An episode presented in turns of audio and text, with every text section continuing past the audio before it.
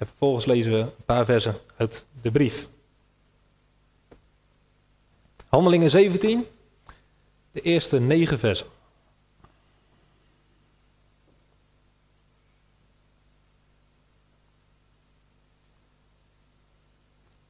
Het hoofdstuk hiervoor zijn ze in Filippi. Ik zal straks in de preek mee beginnen, wat daar gebeurde en zo. Iets bekender dan in Thessalonica. Maar nadat ze in Filippi zijn geweest en daar weggestuurd worden, staat er in hoofdstuk 17, vers 1. En zij namen de weg door Amphipolis en Apollonia en ze kwamen in Thessalonica, waar een synagoge van de Joden was. En Paulus ging naar zijn gewoonte bij hen naar binnen en drie sabbatten lang ging hij met hen in gesprek vanuit de schriften. Hij opende die en zette voor hen uiteen dat de Christus moest lijden en opstaan uit de doden. En dat deze Jezus de Christus is, die ik, zo zei hij, u verkondig. En sommigen van hen raakten overtuigd en sloten zich bij Paulus en Silas aan. En van de godvrezende Grieken een grote menigte. En van de vooraanstaande vrouwen niet weinigen. Maar de Joden die ongehoorzaam waren, werden jaloers. En ze namen enkele slechte mannen uit het markvolk apart, veroorzaakten een oploop en verstoorden de orde in de stad. En ze kwamen op het huis van Jason af en probeerden hen voor het volk te brengen. Maar toen zij hen, Paulus en Silas, niet vonden, sleepten zij Jason en enkele broeders voor de bestuurders van de stad. En ze riepen luid, deze mensen die de wereld in rep en roer gebracht hebben, zijn ook hier gekomen. En Jason heeft hen in huis genomen. Deze mensen handelen allen tegen de geboden van de keizer. Want ze zeggen dat er een andere koning is, namelijk ene Jezus. En ze brachten de menigte en de bestuurders van de stad die dit hoorden in verwarring. Maar toen zij van Jason en de anderen een borgsom hadden ontvangen, lieten zij hen gaan. En zo vertrekken ze uit Thessalonica. We gaan naar de eerste brief van Paulus en Silvanus en Timotheus. Het is goed om gelijk te weten dat Silvanus dezelfde is als Silas. Dus dat is een uh, andere spelling van zijn naam. Dus de Silvanus die in de brief aan de Thessalonicense wordt genoemd, is de Silas uit Handelingen 16 en 17. De eerste brief, hoofdstuk 1, en daarvan lezen we de eerste vijf versen.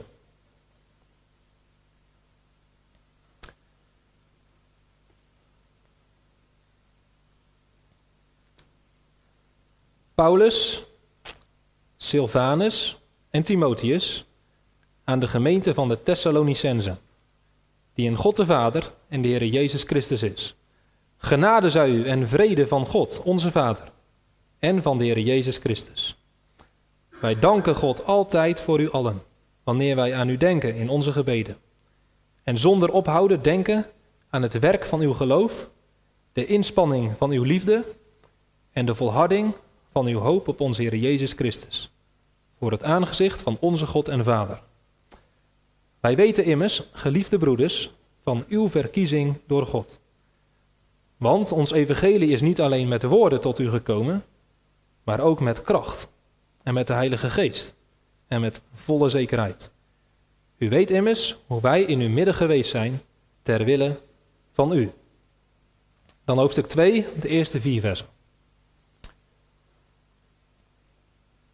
Hoofdstuk 2 vanaf vers 1. Want u weet zelf, broeders, van onze komst bij u, dat die niet te vergeefs is geweest. Maar, hoewel wij tevoren geleden hadden en in Filippi smadelijk behandeld waren, zoals u weet, hebben wij toch in onze God vrijmoedigheid gekregen om het evangelie van God tot u te spreken, te midden van veel strijd. Want onze vermaning kwam niet voort uit dwaling of uit onzuivere motieven en ging ook niet met bedrog gepaard, maar zoals wij door God beproefd zijn om ons het evangelie toe te vertrouwen, zo spreken wij. Niet om mensen te behagen, maar God, die onze harten beproeft.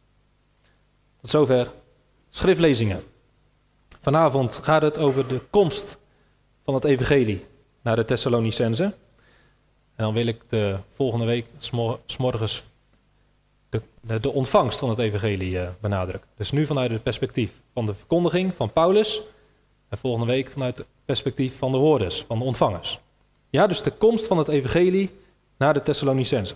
Vanuit Handelingen 17 en 1 Thessalonicense 1 en 2. De geschiedenis van Paulus en Silas in Thessalonica is minder bekend dan de geschiedenis van Paulus en Silas in Filippi. Het is een bekend Bijbelverhaal dat Paulus en Silas in Filippi in de gevangenis worden gezet. Nadat ze het evangelie hebben verkondigd en er mensen door tot geloof komen en veranderen, komt er ook tegenstand. Mensen hebben er nadelen van dat sommige mensen tot geloof komen. En ze slepen Paulus en Silas voor de stadhouders en ze zeggen, deze mensen verstoren de orde in onze stad. Zij verkondigen gewoonten die wij niet mogen aannemen en ook niet mogen naleven, want wij zijn Romeinen. En die stadhouders die luisteren naar de boze menigte en Paulus en Silas worden met stokken geslagen en in de gevangenis gegooid. En wat gebeurde er toen? Midden in de nacht zit uh, iemand uh, die jonger is dan de rest, die mag het antwoord uh, gaan geven. Lois? Wat deden Paulus en Silas in de nacht in de gevangenis? Iets wat je moeder heel graag doet.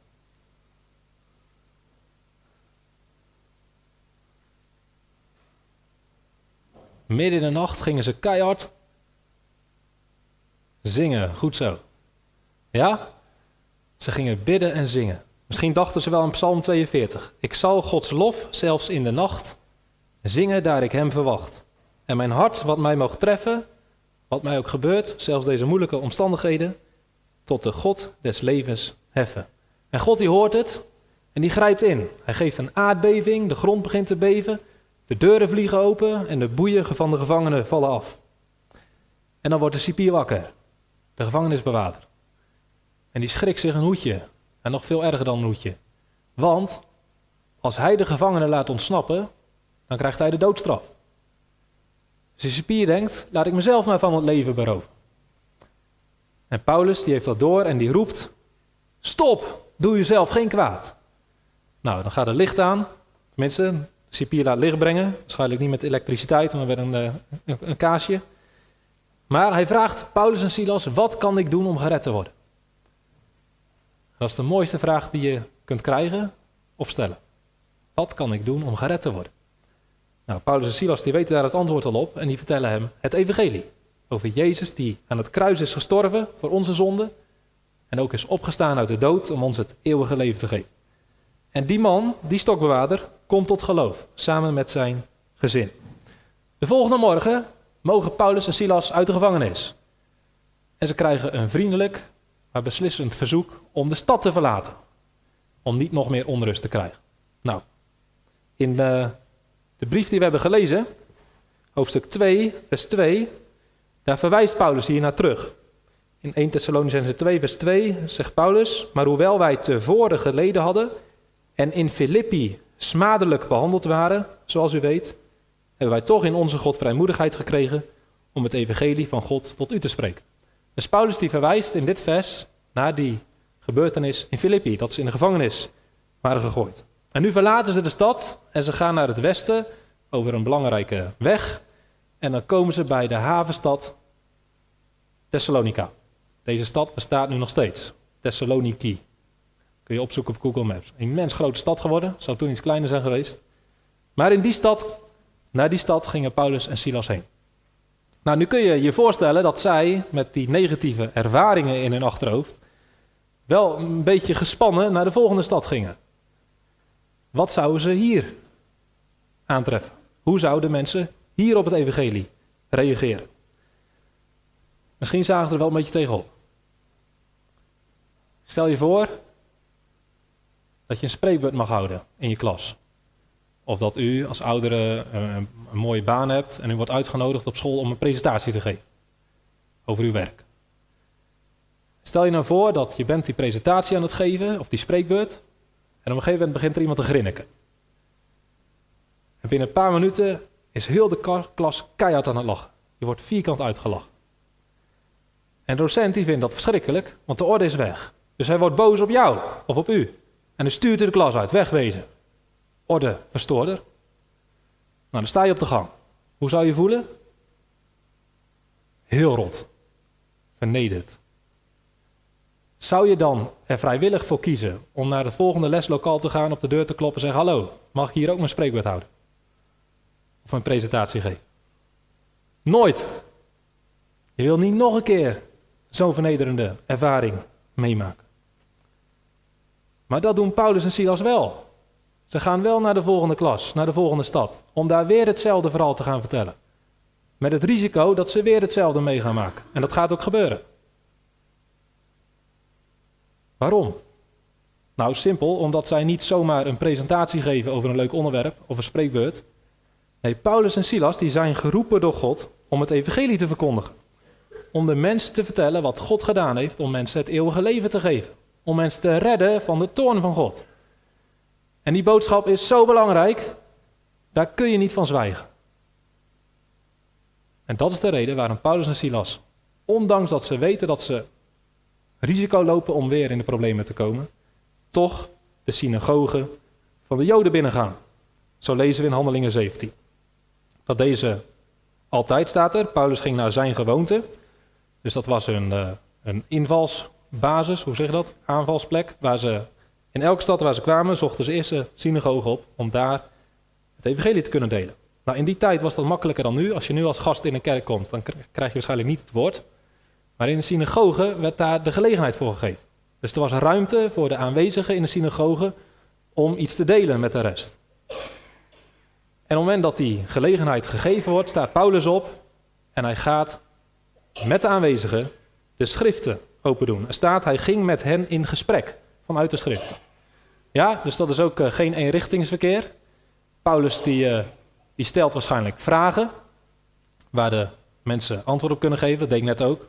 Beetje spannend is dat, hè? Als je een vraag krijgt, dan moet je antwoord geven. Maar dat deed Paulus in de synagoge ook. Hij stelt vragen, krijgt antwoorden. Hij vertelt dingen, mensen kunnen daar weer vragen over stellen en op reageren. Hij gaat in dialoog, in gesprek met ze. En ondertussen heeft Paulus wel de leiding en een duidelijk doel voor ogen.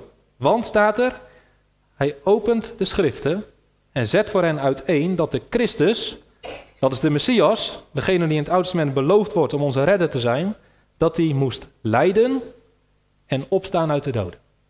Dus Paulus die gaat met hen het Oude Testament in en die gaat laten zien dat het Oude Testament zegt dat de profeten hebben geprofeteerd dat degene die zou komen om ons te redden, moest lijden. Dat allereerst. Nou, er staan niet bij welke schriften Paulus erbij heeft gepakt. Welke teksten uit het Oude Testament. Dat is een vraag aan u. Welke teksten zou Paulus gepakt hebben? Waar zou hij in het Oude Testament naartoe zijn gegaan om te laten zien dat de Messias moest lijden? Wat denkt u? We zijn weer in gesprek. Mag antwoorden. Wat zou u doen als u vanuit het Oude Testament moest laten zien dat de Messias een leidende redder zou zijn? Goed zo, super. Ik heb daar uh, drie jaar geleden een prekenserie over gedaan. Een van de eerste prekenseries rond Goede Vrijdag en Pasen. We zijn met Jezaja 53 helemaal doorgegaan. Ik weet bijna 100% zeker dat Paulus die erbij heeft gepakt. Want er is geen tekst die zo duidelijk spreekt over de Messias en over zijn lijden als Jezaja 53. Ja, daar gaan we even naartoe. Ik weet niet of ze in die tijd, uh, waarschijnlijk hadden ze toen allemaal niet de Bijbel bij zich. Dus Paulus die moest gewoon voorlezen en vertellen wat er stond. Of citeren uit zijn hoofd. Maar uh, dit is makkelijker. Als u de Bijbel voor u heeft, kunt u meebladeren naar Jesaja 53. En dan kijken we hoe in dat hoofdstuk wordt gezegd dat de Messias zou lijden.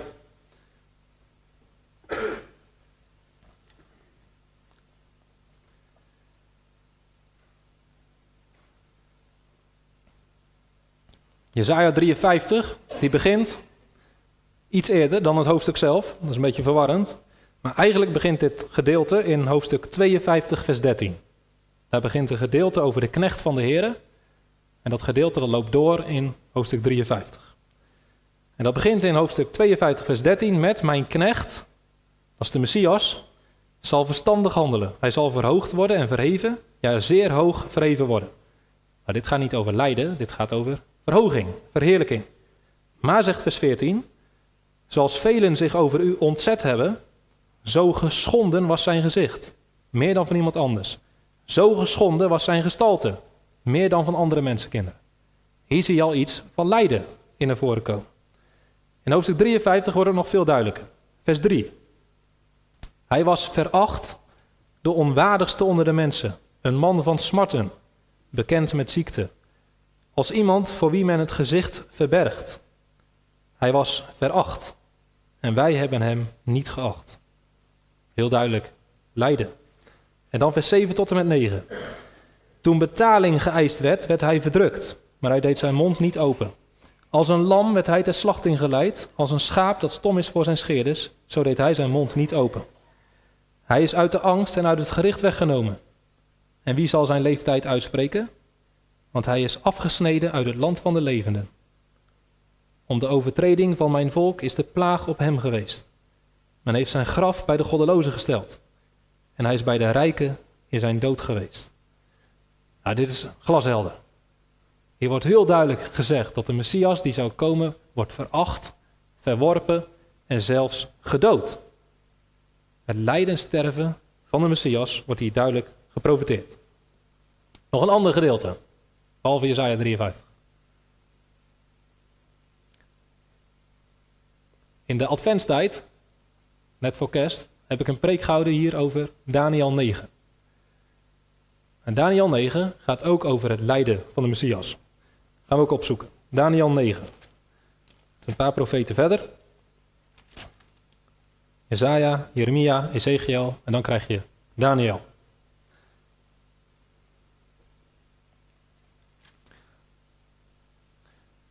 Hoofdstuk 9, laatste stukje vanaf vers 20, wat gaat over uh, de 70 weken. En in vers 25 staat uh, dat er een periode zal zijn van een terugkeer uit ballingschap tot de komst van de Messias van 69 jaarweken. Heb ik toen uitgelegd dat dat 483 jaren zijn.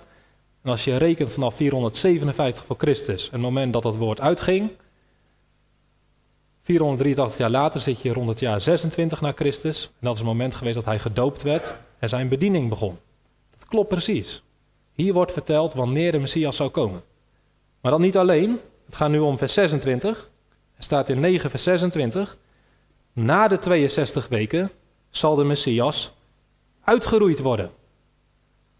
Nou, het is niet moeilijk om te bedenken dat dit over de Messias gaat. Het gaat over de Messias en hij zal uitgeroeid worden. Nou, dat betekent twee dingen in het Oude Testament. Allereerst dat hij gedood zal worden, dat is uitroeien. Dat is lijden en sterven. En ten tweede, de gedachte dat iemand uitgeroeid wordt in het Oude Testament heeft bijna altijd te maken met iemand die goddeloos is. Dus in Psalm 37 zijn er meerdere versies dat zeggen dat degenen die rechtvaardig leven naar de wil van God, die zullen de aarde beërven. Maar de goddelozen worden uitgeroeid. Er zijn heel veel teksten die die gedachten zeggen. Dus degenen die de wet van God overtreden, de zondaren, die niet gehoorzaam zijn, die worden uitgeroeid. En hier staat dus dat de Messias zal worden uitgeroeid. Dat betekent hij zal niet alleen gedood worden, maar ook dus dat hij gedood zal worden alsof hij een goddeloze is. Alsof hij een wetsovertreder is. Nou, dus het Oude Testament, zowel Jesaja 53 als Daniel 9. Kunt ook nog denken aan Psalm 22. Er zijn nog meer teksten die heel duidelijk spreken over de Messias en zeggen dat hij een leidende Messias zal zijn. Jezaja, is mooi om bij te zeggen, Jezaja 53, Daniel 9 maken niet alleen duidelijk dat hij dus zal lijden en sterven en behandeld zal worden als een goddeloze. Ze maken ook duidelijk dat, dat, um, dat de Messias wel een goddeloze zal lijken te zijn, maar dat hij niet werkelijk is. Hij zal wel behandeld worden alsof hij een zondaar is, maar hij is het niet.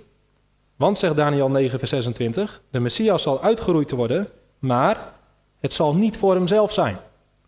Hij zal niet sterven voor zichzelf. Voor wie wel? Nou, gaan we terug naar Jesaja 53, hoef niet op te zoeken. Maar Jesaja 53 zegt, hij is om onze overtredingen verwond, om onze ongerechtigheden verbrijzeld.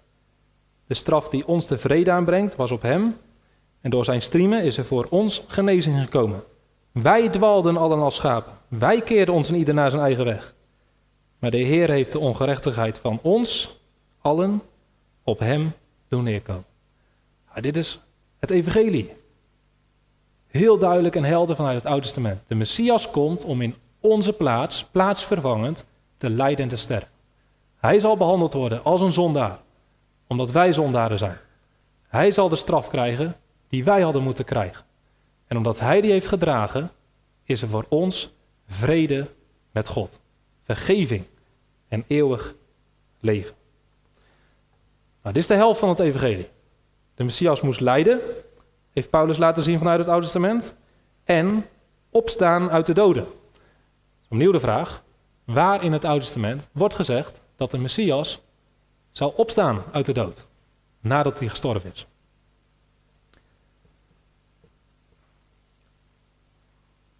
Gewoon Jezaja 53 zeg. Jezaja 53, vers 10. Dus eerst wordt het lijden en sterven van de Messias beschreven. En dan komt er een omkeer naar vers 10, waar duidelijk wordt dat de Messias beloond zal worden om wat hij heeft gedaan. Dus zegt vers 10 van Jezaja 53, als zijn ziel zich tot een schuldoffer gesteld zal hebben, dat betekent als hij zich als een offer heeft gegeven, als een offer gestorven is, dan, daarna, zal hij nageslacht zien. Hij zal de dagen verlengen. Om de moeitevolle inspanning van zijn ziel zal hij het zien. Hij zal verzadigd worden. Door de kennis van hem zal de rechtvaardige mijn knecht velen rechtvaardig maken. Nou, hoe kun je beloond worden als je dood bent? Hoe kun je dingen zien, krijgen, als je niet meer leeft? Nou, dat kan maar op één manier, als je weer opstaat uit de dood. De dagen zullen verlengd worden. En daarom heeft eh, David in Psalm 16 gezegd over de Messias: U zult zijn ziel in het graf niet verlaten. U laat niet toe dat uw heilige ontbinding ziet. Er zijn twee teksten die heel duidelijk zeggen dat de Messias wel zal sterven, maar ook weer zou opstaan uit de dood. Nou, als je het Oude Testament dus zo leest, dan kom je erachter wie de Messias zal zijn als een leidende, stervende en iemand die weer opstaat.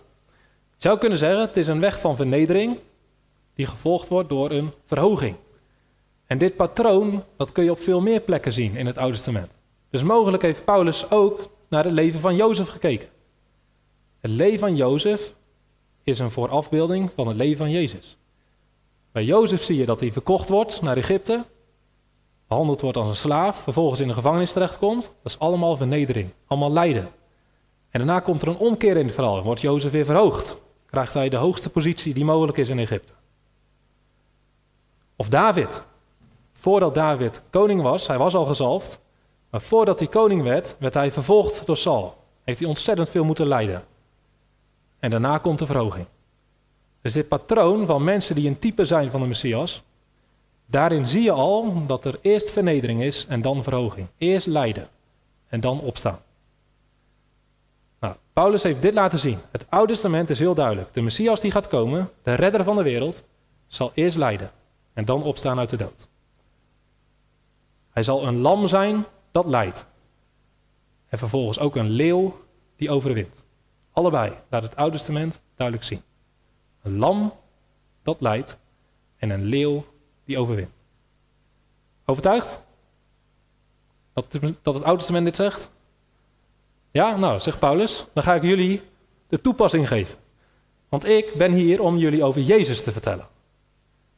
Jezus, die is kort geleden geboren in Israël. En uh, hij is geboren in een kribbe. Dat is best wel nederig. Daar begon zijn leidersweg. En zijn hele weg van, van zijn leven is een weg geweest naar het kruis. Hij is aan het kruis gestorven. Nou, de eerste reactie van de mensen toen voor de Joden was: wat een ergernis. Dat kan niet waar zijn. De Messias, de redder die sterft aan het kruis, dat kan onmogelijk onze redder zijn. En de Grieken zeiden: wat een dwaasheid. Dat is belachelijk. Want iemand die aan het kruis sterft, kun je je redding niet verwachten. Dat was de reactie van toen op het kruis. Dat was absurd, ongeloofwaardig. Geen enkele reden om je vertrouwen te stellen op iemand die aan het kruis is gestorven. Maar, zegt Paulus, kijk nu naar het Oude Testament. Is dit niet precies wat het Oude Testament heeft gezegd?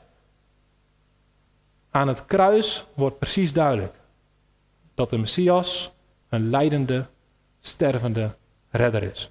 En dat is Jezus geweest.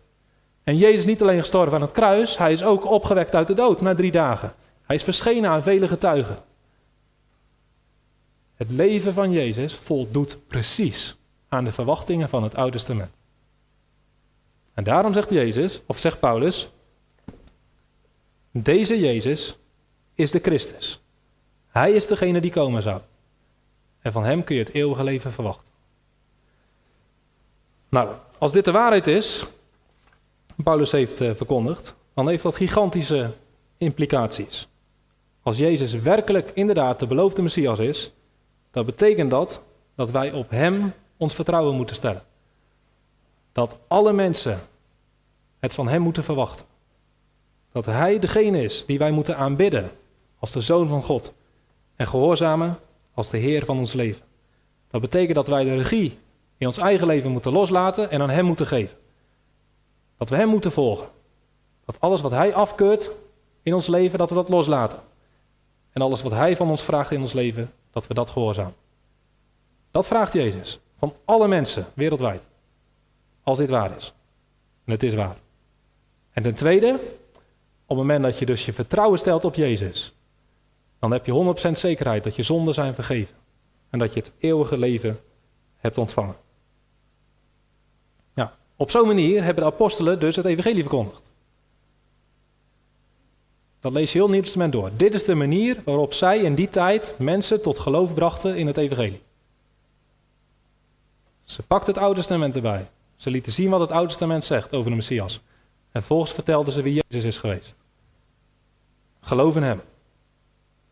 Nou, dat had succes, want uiteindelijk is er in Thessalonica een gemeente ontstaan. Ik wil volgende week meer inzoomen en focussen op hoe die reacties waren. Er was deels geen positieve reactie, niet iedereen geloofde, maar een deel wel. Er staat in vers 4 van Handelingen 17: Sommigen van hen raakten overtuigd en ze sloten zich bij Paulus en Silas aan. En van de godvrezende Grieken een grote menigte. En van de vooraanstaande vrouwen niet weinigen. Ja, dit is uiteindelijk de groep mensen die de gemeente in Thessalonica heeft gevormd. Nou, wat moet je nu zeggen? Paulus, wat heb je dat goed gedaan? Wat heb je briljant gepreekt? Wat heb je drie sabbatten lang laten zien dat je een uitmuntende verkondiger van het evangelie bent? Knap gedaan. Is dat een goede conclusie? Kunnen we zeggen dat Paulus op zo'n manier heeft gepreekt dat het daaraan te danken is dat die mensen gered zijn? Wat is nou de reden dat mensen overtuigd worden? Wat is nou de reden dat mensen zich bekeren en tot geloof komen? Wat is de reden dat mensen gered worden? Nou, als Paulus één ding duidelijk maakt in zijn brief, is dat het niet aan hem lag. Dat het niet aan hem te danken is dat ze gered zijn. We gaan naar de brief en we kijken naar vers 4 en 5. Daar noemt Paulus twee redenen waarom ze gered zijn. Wat de oorzaak is dat het evangelie effect had. En de eerste reden is buiten de tijd, in de eeuwigheid. Dat is vers 4. En de tweede reden is in de tijd. Vers 4. Wij weten immers, geliefde broeders, zegt Paulus, van uw verkiezing door God. De reden waarom al deze mensen tot geloof kwamen, was niet dat Paulus zo goed kon preken, maar was dat al deze mensen door God waren uitverkoren. En Paulus zegt in uh, Efeze 1 tegen mensen die ook uitverkoren zijn, die ook tot geloof zijn gekomen, God heeft jullie in Christus uitverkoren voor de grondlegging van de wereld. God heeft gekozen om mensen te redden. En omdat God ervoor heeft gekozen om mensen te redden, zorgt Hij ervoor dat die mensen, als ze het evangelie horen, erdoor overtuigd worden en tot geloof komen. Nou zou je kunnen zeggen, hoe weet Paulus dan nou dat die mensen uitverkoren waren? Dat kun je toch niet weten? Hoe wist Paulus nou van deze mensen dat ze uitverkoren zijn? Nou, Paulus is een keer in de hemel geweest. Staat in de tweede brief aan de Korinthe. Dat hij opgenomen werd in de hemel. En toen heeft Paulus een kijkje gekregen in het boek des levens. En heeft hij alle namen gezien van alle mensen die uitverkoren zijn. Moet je niet geloven. Nee. De uitverkiezing is verborgen voor ons. Wij weten niet bij voorbaat, of vanuit God heeft niet geopenbaard wie hij wel of niet heeft uitverkoren. Dus aan de hand daarvan kon Paulus het niet weten. En toch wist hij zeker dat deze mensen in Thessalonica uitverkoren waren. Hoe dan? De tweede reden, vers 5. Want, dat is de reden. Want ons evangelie is niet alleen met woorden tot u gekomen, maar ook met kracht en met de Heilige Geest en met volle zekerheid. Dit is een hele belangrijke tekst om te begrijpen waarom er mensen gered worden en hoe. Het evangelie komt niet alleen met woorden tot hen, maar ook met kracht en met de Heilige Geest en met volle zekerheid. God heeft ervoor gekozen om mensen te redden door het evangelie. En het evangelie bestaat uit woorden. En die woorden moeten verkondigd worden. Er moeten mensen zijn die het evangelie doorgeven in woorden. Maar alleen die woorden doen niks. Waarom niet? Nou zegt Paulus ergens, de natuurlijke mens, de mens zoals die geboren wordt, als zondig mens, begrijpt niet de dingen die van de geest van God zijn. Ze zijn dwaasheid voor hem. Dat geldt dus ook voor het evangelie. Een natuurlijk mens kan het evangelie horen, alle woorden, zonder effect, zonder resultaat. Dat is de reden waarom niet iedereen overtuigd wordt in Handelingen 17. Dat is de reden waarom ook nu niet iedereen gered wordt die het evangelie hoort. Wij hebben van onszelf een geestelijke blindheid, zelfs vijandschap, waardoor we het evangelie niet geloven. En de persoon die het evangelie brengt, Paulus of een dominee, die is niet in staat om dat op te lossen. Het gaat boven ons menselijk vermogen uit om de geestelijke blindheid weg te nemen of het hart te veranderen. Dus daarom kan Paulus niet ervoor zorgen dat mensen gered worden.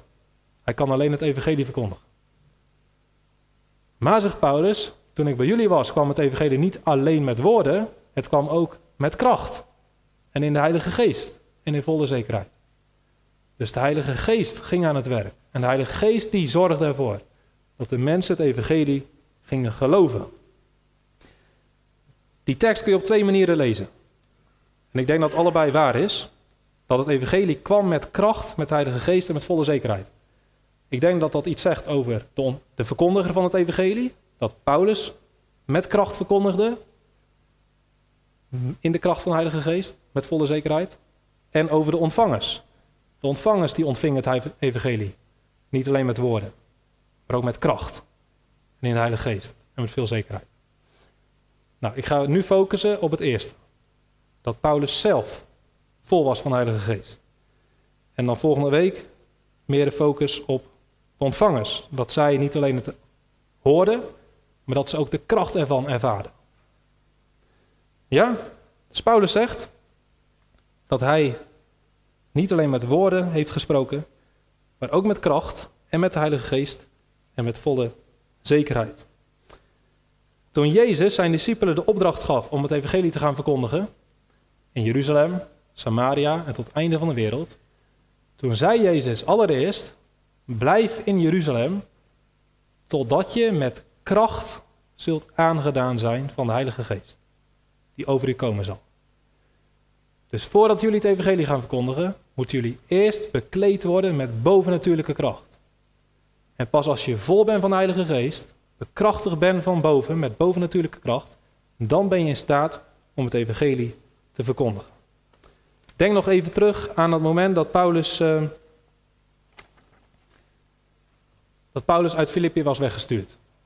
Vergelijkbaar met als je een spreekwoord hebt gehouden, je wordt vierkant uitgelachen en de klas uitgezet. Ook als Paulus zijnde, of als dominee zijnde, heb je niet echt de zin en de moed en het lef om de volgende klas binnen te gaan en hetzelfde te doen. Paulus wist ook wat het was om angst te hebben om zwak te voelen, om niet in staat te zijn het evangelie te verkondigen. Maar zegt Paulus in hoofdstuk 2, vers 2, nadat wij in Filippi waren geweest, hebben wij toch in onze God vrijmoedigheid gekregen om het evangelie van God tot u te spreken. Dus Paulus zegt niet van, nou ja, die gevangenis, joh, we zijn geen watjes, we gaan gewoon door, strijden, huppa. We zijn stoer genoeg. Nee, dat was niet de houding van Paulus. Paulus zegt, wij hebben vrijmoedigheid van God gekregen. In onszelf was die moed en niet. In onszelf hadden we niet de kracht om het te doen. Maar God gaf ons de vrijmoedigheid. Om toch weer naar de volgende stad te gaan. Om toch daar weer opnieuw het evangelie te verkondigen. En dat woord vrijmoedigheid, dat betekent zonder angst. Met overtuiging spreken. Nou, dit hebben we allemaal nodig als predikanten, als verkondigers van het evangelie. Als we deze kracht van de Heilige Geest niet krijgen, dan lukt het ons niet om het evangelie te verkondigen. En misschien wel in woorden, maar niet met effect. Drie jaar geleden ben ik hier bevestigd, was 10 januari. Toen heb ik gepreekt over Romeinen 15 volgens mij. Ik weet dat ik tot u kom met de volle zegen van het evangelie. Nou, drie jaar later, dan kan ik hopelijk uh, vrijmoedig zeggen dat ik dat heb gedaan. Dat ik het evangelie heb verteld. In ieder geval in woorden. Maar was het ook in kracht? En in de Heilige Geest? En in volle zekerheid? Nou, die vraag heb ik voor mezelf gesteld. Hebben jullie niet zoveel mee te maken misschien? Maar uh, ik denk het wel. Ik heb veel momenten de kracht van de Heilige Geest ervaren. Op mijn studeerkamer en hier, op deze plek en op andere momenten. Dat het woord niet alleen woorden waren, maar dat er kracht in zat. En misschien niet vaak genoeg en kon meer, dat weet ik ook. En daarom herhaal ik wat ik drie jaar geleden heb gevraagd, namelijk of u daarvoor wil bidden. Niet alleen voor mij, maar voor alle predikanten, voor alle evangelisten, voor alle zendelingen. Paulus zegt dat zelf ook. Bid voor mij, dat ik het woord mag spreken met vrijmoedigheid. Paulus vroeg, bid alsjeblieft voor mij, dat ik niet alleen het evangelie overal vertel in woorden, maar dat ik elke keer ook vervuld mag zijn met de Heilige Geest. Dat die bovennatuurlijke kracht in mij werkzaam is, zodat ik niet te vergeefs aan het praten ben. Doe dit, elke dag. Vul hem en hen en iedereen die dienstbaar mag zijn in uw koninkrijk met uw Heilige Geest. En hoe meer we dit bidden, hoe meer de geest gegeven wordt. En nu denkt u, ja, dit is weer, uh, gaat er ons voorbij. Dat ga ik dus niet doen. Want niet alleen ik ben een verkondiger van het evangelie, maar u en jij net zo goed. Als je het evangelie hebt ontvangen, dan is het de bedoeling dat je het weer doorgeeft. Vanmorgen was ik in Ledam en uh, toen heb ik uh, gezegd van, uh, ik kan nooit dat is onmogelijk voor mij of voor jullie eigen dominee. Is dominee Tomaat, ik weet niet of je die kent. En dominee Marcus. Maar het is onmogelijk voor predikanten om heel Leerdam te bereiken. En Leerdam is veel grotere werkover, maar ik denk voor werkover geldt hetzelfde. Om al die mensen te spreken, lukt eigenlijk nooit. Ook al zou ik het willen, zou ik mijn best doen, het lukt nooit om iedereen te spreken. Maar iedereen van jullie hebben heel veel relaties en netwerken. En kun je heel veel mensen spreken die ik niet kan spreken. Dus we heeft vrienden, we heeft buren, we heeft collega's. Heel veel mensen die het evangelie niet kennen. En het is onmogelijk voor alle predikanten om die mensen allemaal te bereiken. Maar ik denk dat de bedoeling van God is dat predikanten hier het werk doen. Zodat u door de weeks op uw plek het werk kan doen. En ik denk dat het mooie is dat we Paulus in de Bijbel niet tegenkomen als een uh, stoere, goede prater. Maar dat Paulus heel vaak laat zien dat hij in zichzelf ook zwak was. En dat hij ook de Heilige Geest nodig had om vrijmoedigheid te hebben om te spreken. En dat is heel herkenbaar voor mij en voor u ook. Dus als we het gevoel hebben dat we niet durven met anderen te delen, het enige wat we nodig hebben, alles wat we nodig hebben, is de kracht van de Heilige Geest. En op het moment dat je vervuld wordt met de Heilige Geest, is de angst weg. En durf je te spreken. En als je zegt, maar het heeft geen zin, want mensen gaan toch niet geloven. Het enige wat er nodig is, is de kracht van de Heilige Geest. Want de Heilige Geest kan iedereen overtuigen en iedereen tot geloof brengen. Dus bid niet alleen voor mij en voor andere predikanten, bid ook elke dag voor uzelf. Vul mij met uw geest, zodat ik als een christen kan leven maar ook als een christen het evangelie met anderen kan delen. En die tekst heb ik al best wel vaak hier gezegd, maar het blijft een mooie tekst.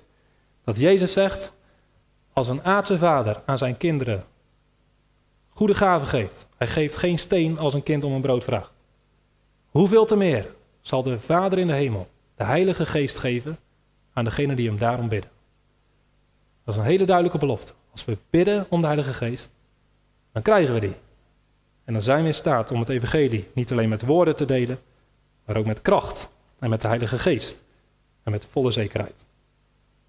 Tot slot, Paulus zegt dat hij bij de Thessalonicenzen het woord heeft gesproken te midden van veel strijd. De laatste woorden van 1 Thessalonicenzen 2 vers 2. Daar moeten we ook op rekenen. Het is niet zo dat omdat Paulus vol was van de Heilige Geest, dat hij het evangelie op zo'n manier deelde dat iedereen tot geloof kwam. Overal waar Paulus kwam waren er twee reacties. Mensen kwamen tot geloof en mensen kwamen in verzet. Paulus kreeg overal tegenstand. En daar moeten wij ook op rekenen. Op het moment dat wij ons best doen, kansen zoeken om met anderen het evangelie te delen, dan komt er een tegenreactie. Een uh, evangelist waar ik veel van heb geleerd, die zei: Als je in een boksering gaat staan, dan krijg je klappen. En als je denkt dat je in een boksering kunt staan zonder klappen te krijgen, dan snap je leven niet. Als je het evangelie met anderen gaat delen, dan ga je in de boksring staan. Want dan ga je de duivel aanvallen. Dan ga je de wereld aanvallen. En dan krijg je een tegenaanval. Dat kan niet anders. Dus op het moment dat je het evangelie probeert te delen en je krijgt negatieve reacties, dan moet je niet gelijk zeggen, oh, blijkbaar ben ik hier niet geschikt voor. Of ik kan misschien beter mijn mond houden. Nee, dan moet je zeggen, ik krijg een klap, de volgende keer zal ik hem beter afweren en ik geef een hardere klap terug. In liefde, met gebed en met woorden. Ja, wij moeten strijden en die strijd die kost wat. En Paulus die weet niet alleen wat dat lijden betekent, hij heeft ook ervaren hoe heftiger de strijd, hoe krachtig de Heilige Geest werkt. Niet alleen in mij, maar ook in de mensen bij wie ik het evangelie breng. God heeft gezegd, de laatste tekst, Jesaja 55. Het woord van mij zal doen wat mij behaagt. Het zal niet ledig terugkeren. Het zal doen waartoe ik het zend. Dus God heeft beloofd dat als we het evangelie delen met anderen, dat het altijd effect heeft. Dus laten wij vrijmoedig het evangelie met anderen proberen te delen. Amen.